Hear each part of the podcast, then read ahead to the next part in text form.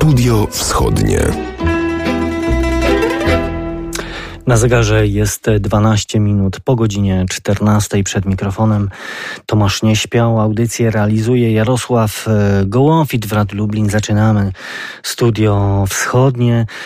E, temat, e, zaczynamy od tematu, od którego zaczynaliśmy i od, o którym rozmawialiśmy mm, w ostatnich tygodniach bardzo często. Kolejne protesty i demonstracje na Białorusi, kolejne zatrzymania, mm, także zatrzymania dziennikarzy i dziś znów oczywiście e, spojrzymy na to, co się dzieje e, w Mińsku, także zastanowimy się nad rolą sąsiadów Białorusi w rozwój sytuacji w tym kraju, przede wszystkim Litwy, gdzie po sfałszowanych wyborach prezydenckich wyjechała Światłana Cichanowska. Porozmawiamy też o międzynarodowych e, konsekwencjach próby otrucia Aleksja Nawalnego, najważniejszego dziś rosyjskiego opozycjonisty, ale pierwszym gościem Studia Wschodniego jest Dominik Wilczewski, z przeglądu bałtyckiego od lat, obserwujący i opisujący to, co się dzieje na Białorusi i na Litwie. Dzień dobry. Dzień dobry. E, na Białorusi mieliśmy wczoraj kolejny e, wielotysięczny marsz kobiet e, w Mińsku, ale też kolejne zatrzymania. Mm, dziś, właściwie przed chwilą, rozpoczął się Marsz Jedności w Mińsku. Marsz zapowiadany jako kolejny masowy protest. Jak donoszą niezależne media, mieszkańcy stolicy z różnych stron zmierzają w kierunku centrum białoruskiej stolicy. Milicja próbuje im przeszkodzić, są blokady drogi, e, są e, informacje o pierwszych e, zatrzymaniach. No ale właśnie, powiedzmy, no bo to już jest czwarty tydzień tych demonstracji po wyborach.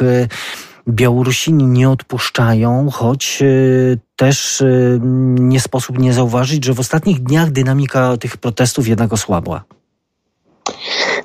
No, przede wszystkim e, wydaje się, że e, zaostrzane są metody stosowane przez aparat represji, to znaczy coraz więcej jest zatrzymań i przeprowadzonych coraz brutalniejszymi metodami, co pokazały między innymi wydarzenia ostatniego tygodnia, przede wszystkim te zatrzymania, które miały miejsce w 1 września, w dniu rozpoczęcia roku akademickiego i potem jeszcze w kolejnych dniach na uczelniach. Tam rzeczywiście dochodziło do takich bardzo drastycznych scen, kiedy grupy e, bardzo często prawdopodobnie funkcjonariusze organów bezpieczeństwa wparowywały do budynków uczelnianych czy na, na teren uczelni i wyłapywały studentów E, więc e, obserwujemy przede wszystkim zaostrzenie się tego aparatu represyjnego. Też są już kolejne doniesienia o tym, że te osoby, które były zatrzymane w tych dniach, również były bardzo brutalnie traktowane na posterunkach, w aresztach. E, być może nie jest to ta skala tortur, znęcania się, jaka była w pierwszych dniach po, po samych wyborach prezydenckich, ale już widzimy, że jakby tak pewnym uspokojeniu który, y, ze strony reżimu, który troszkę się wycofał e, po tych, właśnie tych, tym, pierwszym, tym pierwszym tygodniu, pod koniec pierwszego tygodnia po wyborach i mm, pojawiło się takie pole, pole manewru dla, dla tego społeczeństwa obywatelskiego czy opozycji, to teraz wydaje się, że reżim zaczyna wracać do tych najbardziej drastycznych, najbardziej represyjnych metod zatrzymania, areszty, no i oczywiście wszczynanie różnego rodzaju postępowań postępowań karnych, no tak jak wobec członków Rady Koordynacyjnej. E, władza, władza jest coraz bardziej stanowcza i ostra, bo to jest e, skuteczne narzędzie walki z opozycją na Białorusi po prostu? Trudno powiedzieć w tym momencie, czy ono jest, czy ono jest skuteczne. Wydaje się, że to jest po, że wydaje się, że to jest filozofia działania e, reżimu w sytuacji, gdy po prostu reżim nie zna innych metod. On jest tak bardzo przyzwyczajony do stosowania represji, że e, no, ewidentnie widać po nim, że nie, nie, nie, ma, nie, nie, nie ma w nim żadnej gotowości do, do podjęcia dialogu, do, do pójścia na jakiekolwiek ustępstwa. Tak jakby reżim nie chciał pokazać e, swojej słabości, nie chciał, nie, nie chciał okazać, że gdziekolwiek, w którymkolwiek miejscu jest jakiś, ma jakiś słaby punkt, to znaczy, że musi cały czas pokazywać tą taką nagą, brutalną siłę. No tak jak mówię, tak jakby to była po prostu taka wyuczona filozofia działania, i w tej filozofii nie było miejsca na żadne inne, y, żadne inne gesty, na dialog, na porozumienie. Y, no chyba tylko tak to można w tym, w tym momencie tłumaczyć, bo czy to jest skuteczne? Trudno powiedzieć. No, represje są, mimo to ludzie co tydzień gromadzą się na tych ogromnych marszach niedzielnych. Zobaczymy, jak on będzie przebiegał e, dzisiaj, jak on się skończy. Czy skończy się podobnie, jak to było tydzień temu, dwa tygodnie temu, że po prostu ludzie będą spokojnie, e, pokojowo demonstrować no, e, do wieczora, a potem spokojnie się rozejdą. Oczywiście będą w trakcie tego marszu prawdopodobnie będą zatrzymania, ale, ale nie na większą skalę. No a potem w, w kolejny tydzień upłynie znowu pod znakiem zatrzymywania ludzi na ulicach. Po prostu ten, ten, ten, e, ten mechanizm będzie się powtarzał, no aż no właśnie, aż... Władza bierze tutaj, być może władza tutaj bierze też opozycję na przeczekanie, czyli no, liczy na to, że w którymś momencie ten proces, protest zacznie się wypalać. Patrzymy na to, co się dzieje na Białorusi, co się dzieje e, w stolicy tego e, kraju, ale dziś też e, chciałbym skoncentrować się nieco na roli państw ościennych, a właściwie przede wszystkim Litwy, która, jak pisał pan dla przeglądu bałtyckiego, od pierwszych dni po wyborach na Białorusi nie pozostaje obojętna na los sąsiadów. Więc chciałem zapytać, dlaczego tak się stało, że to Litwa była jednym z pierwszych krajów, które zareagowały politycznie na sytuację na Białorusi? No, oczywiście najbardziej, e, najbardziej oczywisty czynnik to jest bliskość geograficzna. E, Litwa jest sąsiadem, więc siłą rzeczy musiała e, zareagować. Po drugie jest to, no, oczywiście w odróżnieniu od Rosji, która jest również sąsiadem Białorusi, ale zupełnie inne relacje ją wiążą. Litwa jest krajem demokratycznym, krajem członkowskim Unii Europejskiej, krajem NATO na Litwie jest ta świadomość również i w elitach politycznych, i w społeczeństwie jest świadomość tego, że jest to że Litwa jest krajem takim, no, taką wysuniętą, takim wysuniętym przyczółkiem tego świata tej może przesadnie nazywając to tej cywilizacji demokratycznej, europejskiej, zachodniej, e, więc e, z tym też się wiążą pewne obowiązki, konieczność No tak, tylko że nie jest, nie jest to to mocarstwo, e, nie jest to nawet lider regionu, zarówno pod względem takim pozycji międzynarodowej, pozycji politycznej stricte, czy pozycji no, o wojskowej nie mówiąc. E, tak, e, z tym, że tutaj chyba, e, tak jak zwracają na to sami litewscy obserwatorzy, komentatorzy tej sytuacji, trzeba też odróżnić działania w sferze realnej polityki dyplomacji od takich działań wizerunkowych.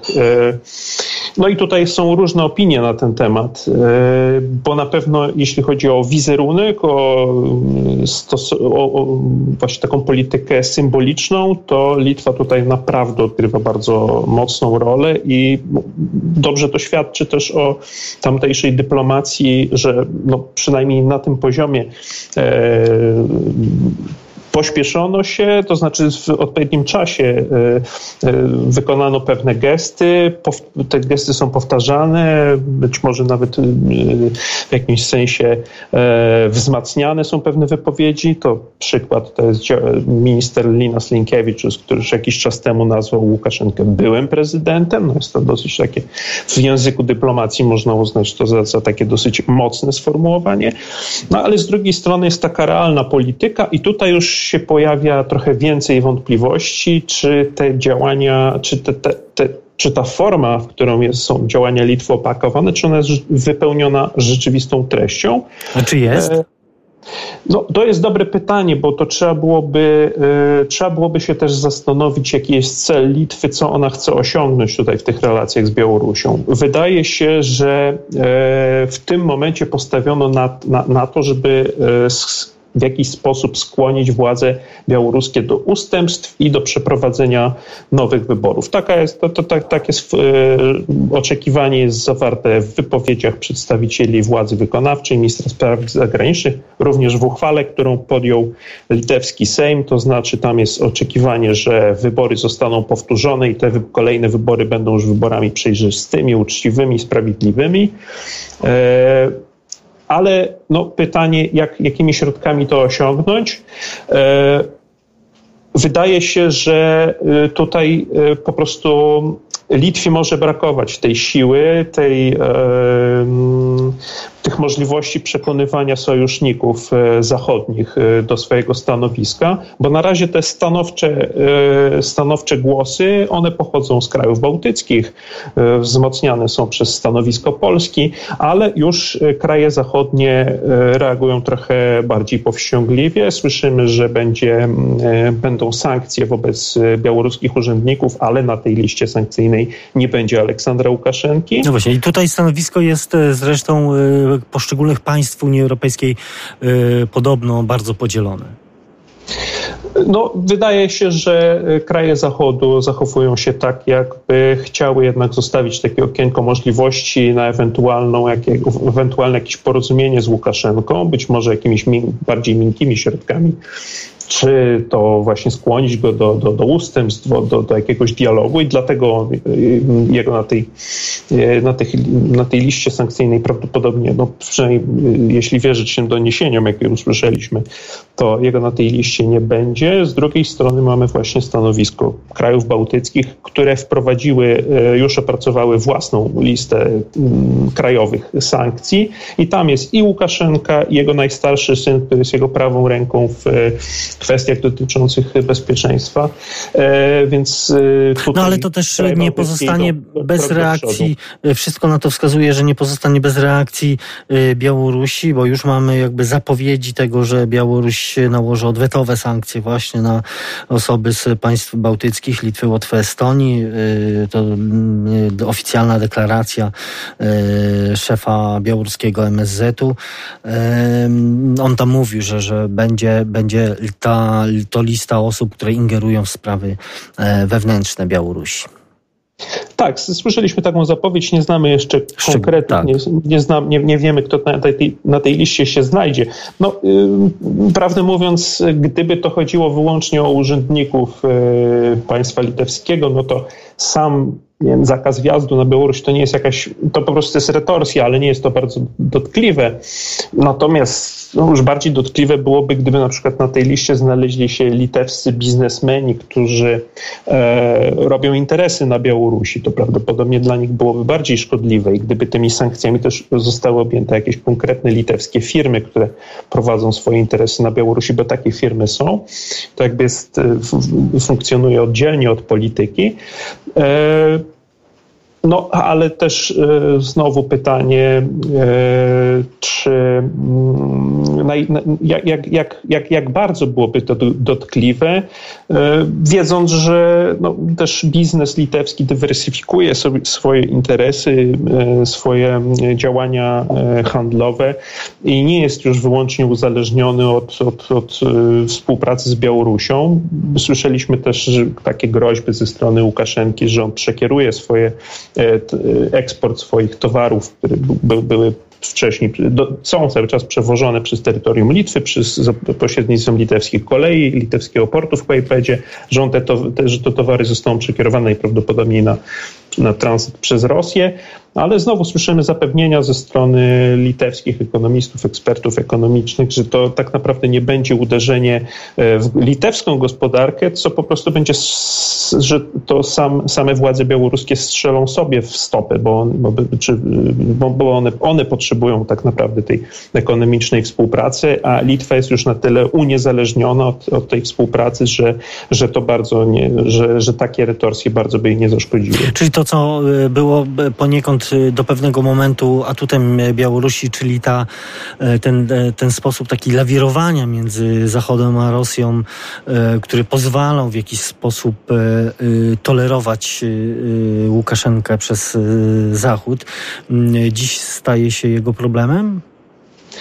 No, jeśli mógłbym tu się właśnie odwołać do opinii litewskich komentatorów e, czy ekspertów od, od, od polityki międzynarodowej, no to, to już teraz przeważają głosy, że w tym momencie Łukaszenka wyczerpuje już swój potencjał jako tego gracza pomiędzy Europą a Rosją, no bo pokazały to, pokazały to ostatnie tygodnie, ostatnie dni, kiedy tak naprawdę musiał, e, po, musiał no, w, w, e, na kolanach wręcz mm, ubiegać się o wsparcie rosyjskie i no, wygląda na to, że Putin mu rzeczywiście tej, tej, pomocy udziela w jakiś sposób. Mamy dziennikarzy rosyjskich, którzy teraz już zastępują białoruskich dziennikarzy w mediach reżimowych.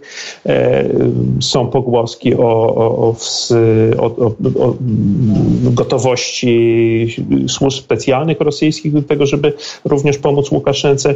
Więc ta e, pole manewru Łukaszenki w stosunkach z Europą bardzo się ograniczyło w, wskutek jego ostatnich działań. E, pytanie, no, co wydarzy się w najbliższych tygodniach, jak, jak, jak reżim białoruski będzie reagował, jak będzie się zachowywał. E, no i też pytanie, jak, e, jak Zachód, e, jak kraje starej Europy będą reagować, czy wrócą do, tego, do tej polityki business as usual, czyli znowu gramy w tę samą grę z Łukaszenką jak przez ostatnie lata, czy rzeczywiście już mamy teraz przekroczenie pewnej czerwonej linii.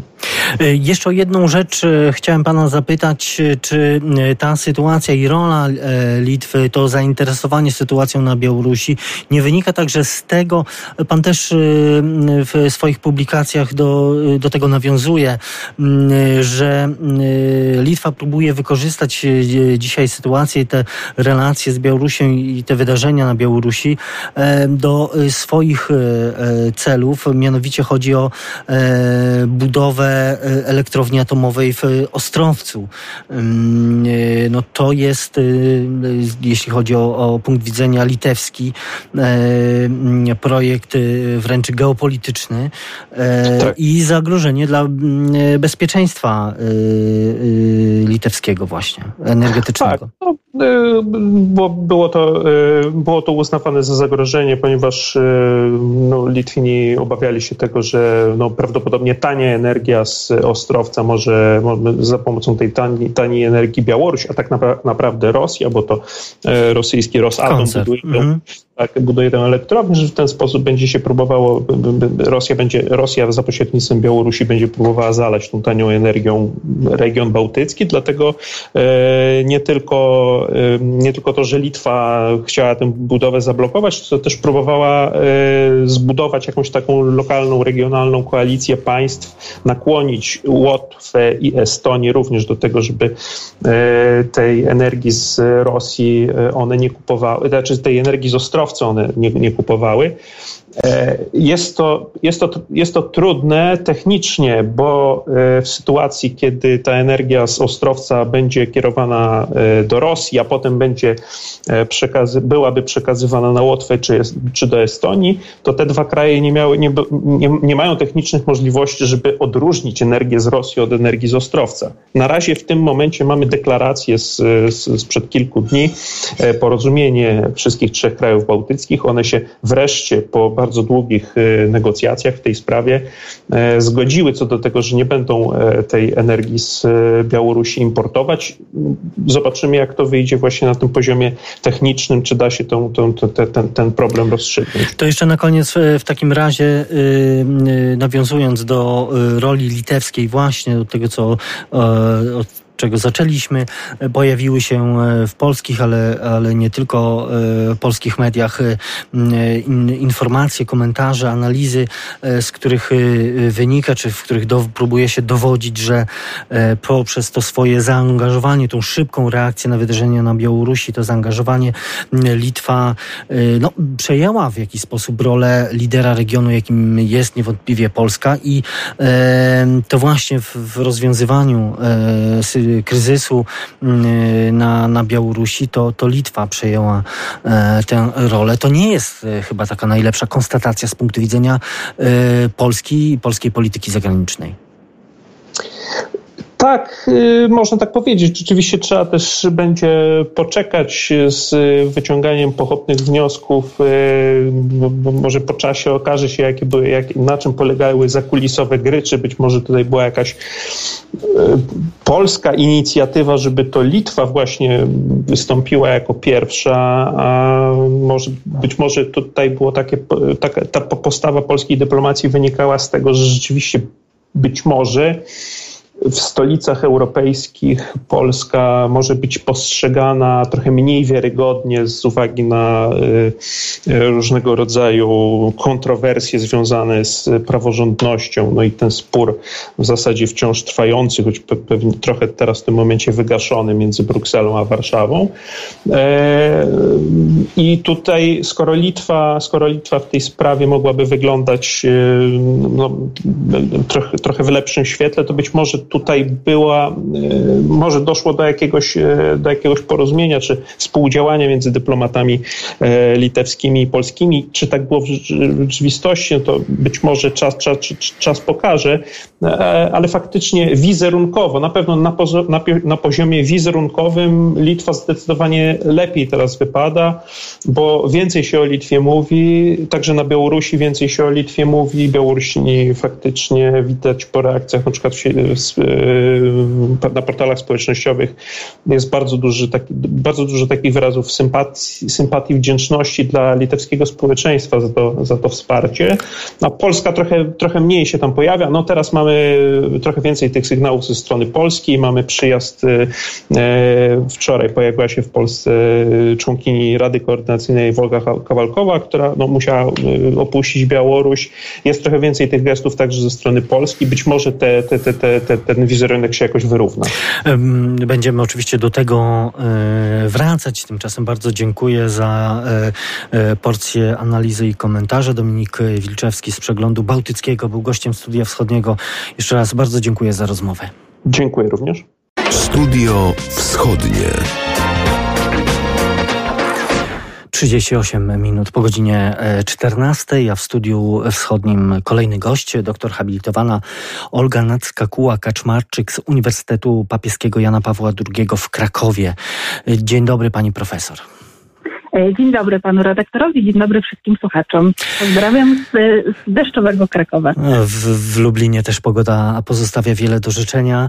E, teraz e, chciałbym porozmawiać o sprawie rosyjskiego opozycjonisty Aleksieja Nawalnego, o którym też wielokrotnie także na antenie Radia Lublin, ale także w tym na naszym programie rozmawialiśmy. Nawalnego, który przebywa w stanie śpiączki w szpitalu w Berlinie Berlinie. Polityk, e, przypomnijmy, trafił tam mm, po tym, jak 20 e, sierpnia źle się poczuł na pokładzie samolotu lecącego z Tomska do mm, Moskwy i stracił przytomność. No i właśnie te najnowsze informacje mm, są takie, według e, stanowiska rządu Niemiec istnieją jednoznaczne dowody na próbę otrucia opozycjonisty środkiem bojowym z grupy Nowiczok. No i to nie był przypadek, bo jak E, mówią eksperci, publicyści, komentatorzy. Nowiczok to jest e, wręcz podpis rosyjskich służb specjalnych. Dokładnie tak. To znaczy e, do, tej, do tego typu trucizny nie mają dostępu chemicy nawet w laboratoriach, na uniwersytetach, więc to nie jest tak, że ktoś, kto nie lubi, nie popiera Nawalnego, mógł bez jakiejkolwiek, jakiegokolwiek związku, czy jakiegokolwiek właśnie tutaj namaszczenia ze strony służb specjalnych stworzyć, e, stworzyć e, tego typu e, broń samodzielnie i podać ją Nawalnemu. Co więcej, bardzo ciekawe w tym wszystkim jest to, że bodajże dwa dni po E, po, po tym, jak e, Nawalny znalazł się w szpitalu, moskiewski komsomolec, e, gazeta, opublikowała mm, artykuł, w którym właśnie jeden z, z pracowników służb specjalnych opisywał, jak wyglądała droga Nawalnego w Tomsku, to znaczy co robił, gdzie przebywał. I to ewidentnie pokazuje, że on był śledzony na każdym kroku, więc z wielką dokładnością jakby tutaj było opisane każdy jego krok.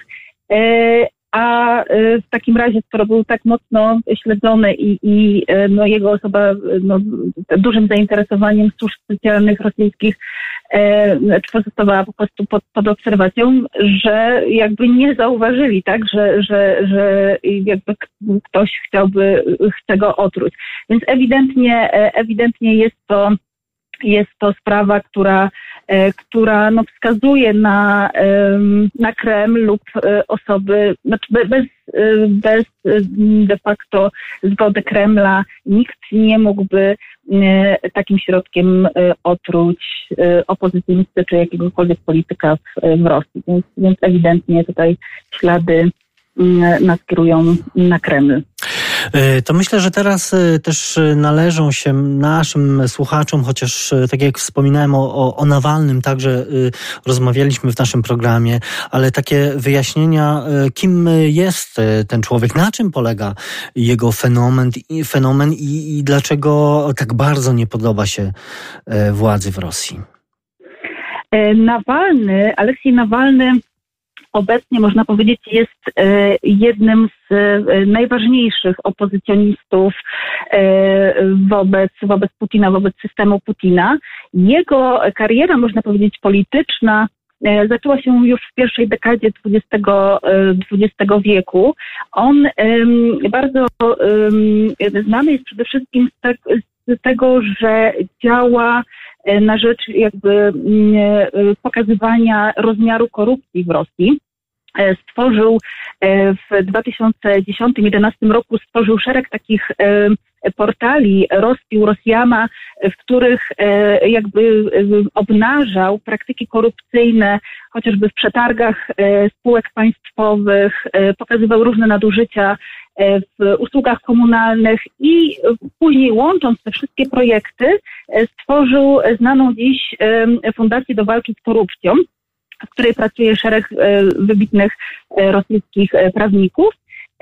I jakby działania Aleksja Nawalnego są o tyle szkodliwe dla, dla Kremla, że on korzysta z tak, tak zwanych, możemy to jakby w nauce politologicznej powiedzieć, okien politycznych możliwości, czyli wykorzystuje E, w tak no, autorytarnym systemie, jakim jest Rosja, wszelkie możliwości do tego, żeby mm, jakby znaleźć, e, znaleźć e, takie możliwości działania, żeby zaszkodzić Kremlowi, żeby osłabić, osłabić władzę polityczną jednej Rosji i, i Putina, żeby pokazać jakby społeczeństwu, E, właśnie rozmiar tego bezprawia, nadużyć na szczytach rosyjskiej władzy. I on jakby, ta, ta, ta, ta jego działalność jest wielotorowa. On e, ma własny kanał na YouTubie, e, ma własnego bloga. Fundacja Walki z Korupcją co jakiś czas wypuszcza filmiki antykorupcyjne. Jeden z takich najciemniejszych to jest zaprezentowany w 2017 roku On Wam nie Dimon, czyli e, on nie jest dla was demonem. E, chodziło o nadużycia na szczytach władzy, e, głównie w otoczeniu premiera, ówczesnego premiera Dmitra Miedwiediewa, które zaskutkowały później protestami antykorupcyjnymi w całej Rosji. Także Aleksiej Nawalny de facto sam stworzył agendę wówczas pod protesty, w marcu miały miejsce właśnie antykorupcyjne 2017 roku, antykorupcyjne protesty w całej, w całej Rosji, także to były naj, największe protesty od 2011 roku, kiedy e, kiedy to były, mieliśmy do czynienia właśnie też z, z ogólnorosyjskimi protestami za, e, za uczciwe wybory. I później ponownie, nawet z większym, lepszym skutkiem w 2017 roku w czerwcu, e, trzy miesiące po tych marcowych protestach, e, kolejne protesty. Także jest to, e, jak mówią też rosyjscy politolodzy, jest to jedyna osoba, która potrafi zmobilizować szczególnie młodych ludzi. Jego oferta jest bardzo charyzmatyczna. Jego oferta jest właśnie skierowana do młodych ludzi, on e, tymi swoimi filmikami, które są takie bardzo dynamiczne, e, bardzo e, kolorowe, czasami śmieszne, zaskakujące, przyciąga młodych, młodych ludzi i potrafi, potrafi ma, ma duże zdolności koordynacyjne i organizacyjne. Jak startował, no właśnie można też powiedzieć troszeczkę o rozwoju jego kariery politycznej, bo tak naprawdę bardzo e, długo Kreml uważał, że Aleksiej Nawalny, jak i każdy opozycjonista w Rosji, który realnie walczy z, z Kremlem, nie ma takiego zasięgu działania i jest po prostu niepopularny. I w 2013 roku, właśnie za zgodą Kremla, pozwolono Aleksiejowi Nawalnemu startować w wyborach mera, mera Moskwy. No i tam zdobył e, całkiem przyzwoity tak. wynik, chociaż wy, wyników nie uznał 20, a zdaje się chyba 7%, 7 e, wówczas. A, dokładnie, a Kreml myślał, że zdobędzie maksymalnie, bo wszystkie e, nawet niezależne sondaże opinii publicznej dawały mu bardzo niskie, niskie poparcie a zdobył bardzo dużo. O mały włos tak naprawdę Sobianin, no, który wygrał te wybory, uniknął drugiej tury. E, także Aleksiej Nawalny był coraz bardziej e, niebezpiecznym e, politykiem. Oczywiście zostały mu, że tak powiem, przeciwko niemu różne sprawy karne założone, żeby, żeby właśnie w razie jakichś jego jakby ambicji politycznych, żeby można po prostu mu zarzucić to, że jest, jest przestępcą, ma na swoim, na swoim koncie wyroki. I właśnie no, dzięki temu właśnie przez, przez te sprawy karne, które które się za nim ciągną, nie mógł startować w wyborach prezydenckich w 2018 roku, mimo że przeprowadził całą kampanię, cały rok, jeździł po różnych regionach Rosji, stworzył sztaby w wielu miejscach e, Rosji, także jest naprawdę bardzo takim mm, e, człowiekiem, politykiem, który ma dużą charyzmę, umiejętności organizacyjne i te sztaby działają do tej pory. e, dzięki czemu można powiedzieć stworzył taką no, sieć miejsc w którym działają e, młodzi ludzie e, opozycyjni nastawieni do Kremla i w którym właśnie lokalnie również obnażają, e, obnażają różne praktyki korupcyjne.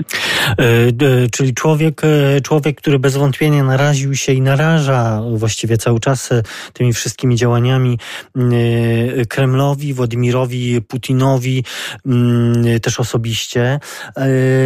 Człowiek, który jest, tak jak pani powiedziała, jednym z najważniejszych opozycjonistów, czyli zatem należy sądzić, że ten akt, ta próba y, otrucia mm, y, i należy to rozpatrywać y, w kategoriach ostrzeżenia dla całej rosyjskiej opozycji, czy chodziło o wyeliminowanie mm, jednego konkretnego człowieka? E, moim zdaniem też jak czytam właśnie tutaj w sieciach społecznościowych e, inne przekazy rosyjskich opozycjonistów, ewidentnie była to próba e, zabicia, nie ostrzeżenia, dlatego że użycie, użycie trucizny z grupy Nowiczok jest tak naprawdę takim środkiem bojowym, które, które jest bardzo cienka granica między tym, że ktoś przeżyje, a, a sytuacją, że, że po prostu pozbawi się życia osobie, który, wobec której właśnie ten środek był zastosowany. I tutaj ewidentnie e, Kreml, jak również rosyjskie służby e, były prawdopodobnie przygotowane na to, że on po prostu na pokładzie samolotu e, nie przeżyje, znaczy po prostu nie doleci do Moskwy żywy. Nie, nie spodziewano się, że pilot samolotu podejmie tą próbę lądowania w Omsku. Co jest ciekawe, to mało jest nagłaśniane akurat w polskich mediach, ale e, po, po tym jak e, właśnie samolot zbliżał się już do lotniska w Omsku, przyszła wiadomość, że lotnisko w Omsku, na lotnisko została podłożona bomba i została ewakuowana, e, ewakuowana właśnie, lotnisko zostało ewakuowane, ale kapitan kapitan e, e, właśnie samolotu jakby dostał zgodę na wylądowanie na szczęście. Także e, Ilia Jaszyn, drugi opozycjonista z Moskwy, mówi, że to była pierwsza osoba, która uratowała życie Nawalnemu, a druga osoba to był lekarz, e, który e, który od razu właśnie w karetce podał Nawalnemu atropinę, to jest antidotum na, na tego typu, na w ogóle na trucizny. E, bo później już wiemy, że lekarze w Omsku e, no, utrudniali też rodzinie e, możliwość wywiezienia Nawalnego do, do, do, do Berlina. I mówiąc tutaj, więc zadziałało, no, Nawalny przeżył, jest teraz w Berlinie. Wiemy też, jak, jaka jest, jakie jest stanowisko rządu niemieckiego, Angeli Merkel, także tutaj na bardzo wysokim poziomie dyplomatycznym jest są skierowane różne oświadczenia i... i no to mówimy o, o, o reakcji Niemiec, reakcji Francji, Stanów Zjednoczonych, Wielka Brytania, właściwie wszystkie najważniejsze rządy czy przywódcy krytycznie odnoszą się do, do tych informacji, do tej próby otrucia, czyli de facto zamachu na, na Nawalnego. E, reakcje e, Unii Europejskiej i NATO. E, tylko pytanie, czy to wszystko też wystarczy, czy, czy to może być skuteczne i mieć wpływ na, na z kolei postawę Rosji, bo przecież mamy też oświadczenie, czy taką ocenę szefa rosyjskiego MSW, który mówi, że nie ma podstaw sądzić, że e, e, w, jeśli chodzi o załamanie się stanu zdrowia Nawalnego, e, to ma, ma to wpływ, ma, miało wpływ jakieś przestępstwo i, i tak, bagatelizowanie tej sprawy tak. jednak widać. Rzecznik, rzecznik Kremla, dopóki, dopóki jakby nie było jasnego określenia substancji, bo oczywiście to przedłużające się przedłużający się brak zgody Rosji na wydanie Nawalnego i na jego podróż do, do, do Berlina było spowodowane tym, że jakby służby chciały, żeby, żeby po prostu tego nowiczoka nie dało się e, w organizmie Nawalnego zidentyfikować. I e, o ile na początku właśnie klinika Charité stwierdziła, że było otrucie i e, jakby substancją z grupy trucizn, o tyle no, dopiero po, po chyba 10 dniach zidentyfikowano właśnie grupę nowiczok. Do tej pory, znaczy do, do tego momentu rzecznik Kremla mówił, na razie mamy tylko pacjenta w śpiączce, nie mamy, nie mamy żadnych śladów otrucia. Natomiast teraz sytuacja się zmieniła. Po oświadczeniu Angeli Merkel, e, oczywiście znowu w rosyjskiej e, rosyjska retoryka jest nastawiona na dezinformację. To znaczy z jednej strony e, znowu Dmitrij Pieskow mówi, e, że prokuratura generalna Rosji już wydała dawno oświadczenie, żeby, żeby z kliniki przesłano e, do Moskwy całą analizę E, analizę stanu zdrowia e, Nawalnego i że dopóki tego nie, nie, nie, nie dostaną, to nie mają podstaw w ogóle do wszczynania jakiegoś śledztwa. E, rzecznik MIDu rosyjskiego Maria Zacharowa mówi, że jest to presja, presja na, na Moskwę Moskwę. E, z kolei tutaj też widzimy działanie Łukaszenki, który no... No tak, ponoć służby tak rosyjskie, on się tak. pochwalił, e, białoruskie e, służby przechwyciły rozmowę w sprawie Nawalnego właśnie, która miała, ma świadczyć o tym, że te informacje o próbie otrucia są po prostu sfałszowane, co oczywiście tak. cały internet z tego się mówiąc brutalnie śmieje. Ale, nie... ale to pokazuje też właśnie tą, ten poziom dezinformacji. To znaczy, e, część się będzie śmiała, część zacznie myśleć, hmm, no może coś faktycznie jest na rzeczy, tyle mamy sprzecznych informacji, tak działa rosyjska propaganda, tak, żeby było tyle tych wersji, e, żeby ta wersja niemiecka po prostu nie była jedyną, nie była jedyną, która, która rzuca się w oczy, e, jak, jak otwieramy wiadomości. Więc jest to jakby z czym przede wszystkim powinien walczyć Zachód, bo oczywiście rozwiązywanie spraw wewnętrznych Rosji, no to trzeba zostawić po prostu rosyjskim politykom. E, no ale tutaj chyba na, na jakąś refleksję e, nie należy się e, nastawić, refleksję władz i służb rosyjskich, tym bardziej, że, że te działania wobec Nawalnego, one jakby potwierdzają pewną serię, która już od lat tak, niestety tak. tragiczną. Mamy przecież Aleksandra Litwinienkę, Annę Politkowską, zresztą Sergieja Skripala, tak. choćby też podobna, podobna historia. No i, i choć były protesty, były mm, stanowcze reakcje także Zachodu, to tej refleksji nie było. Czy tutaj coś się może zmienić?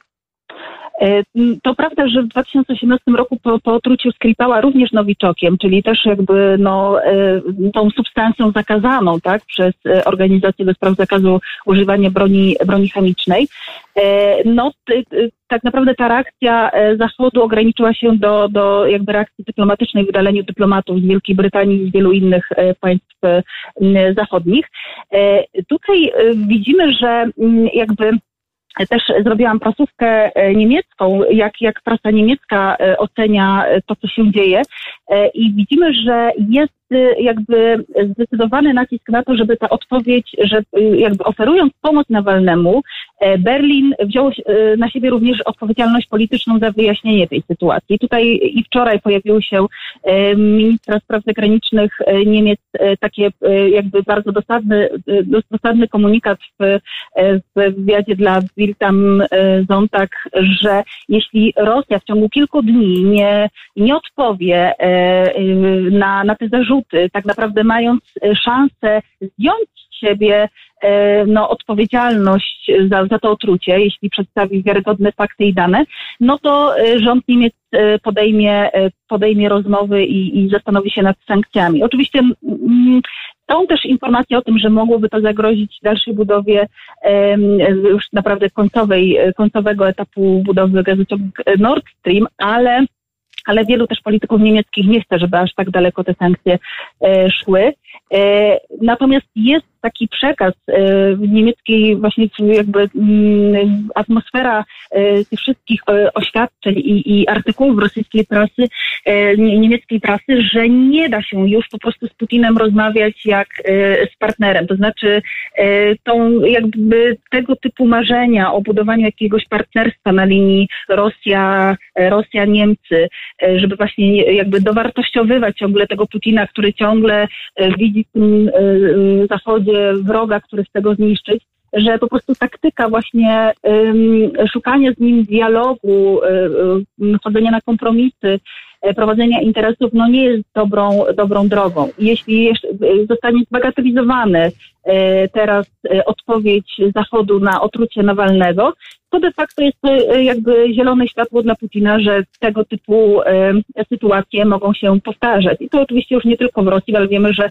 Rosja e, jakby daje sobie prawo również używania tego środka bojowego w krajach zachodnich, więc, więc kiedy ta odpowiedź nie będzie po prostu jednoznacznie twarda, no to, to, to, to i po prostu zielone światło dla Putina.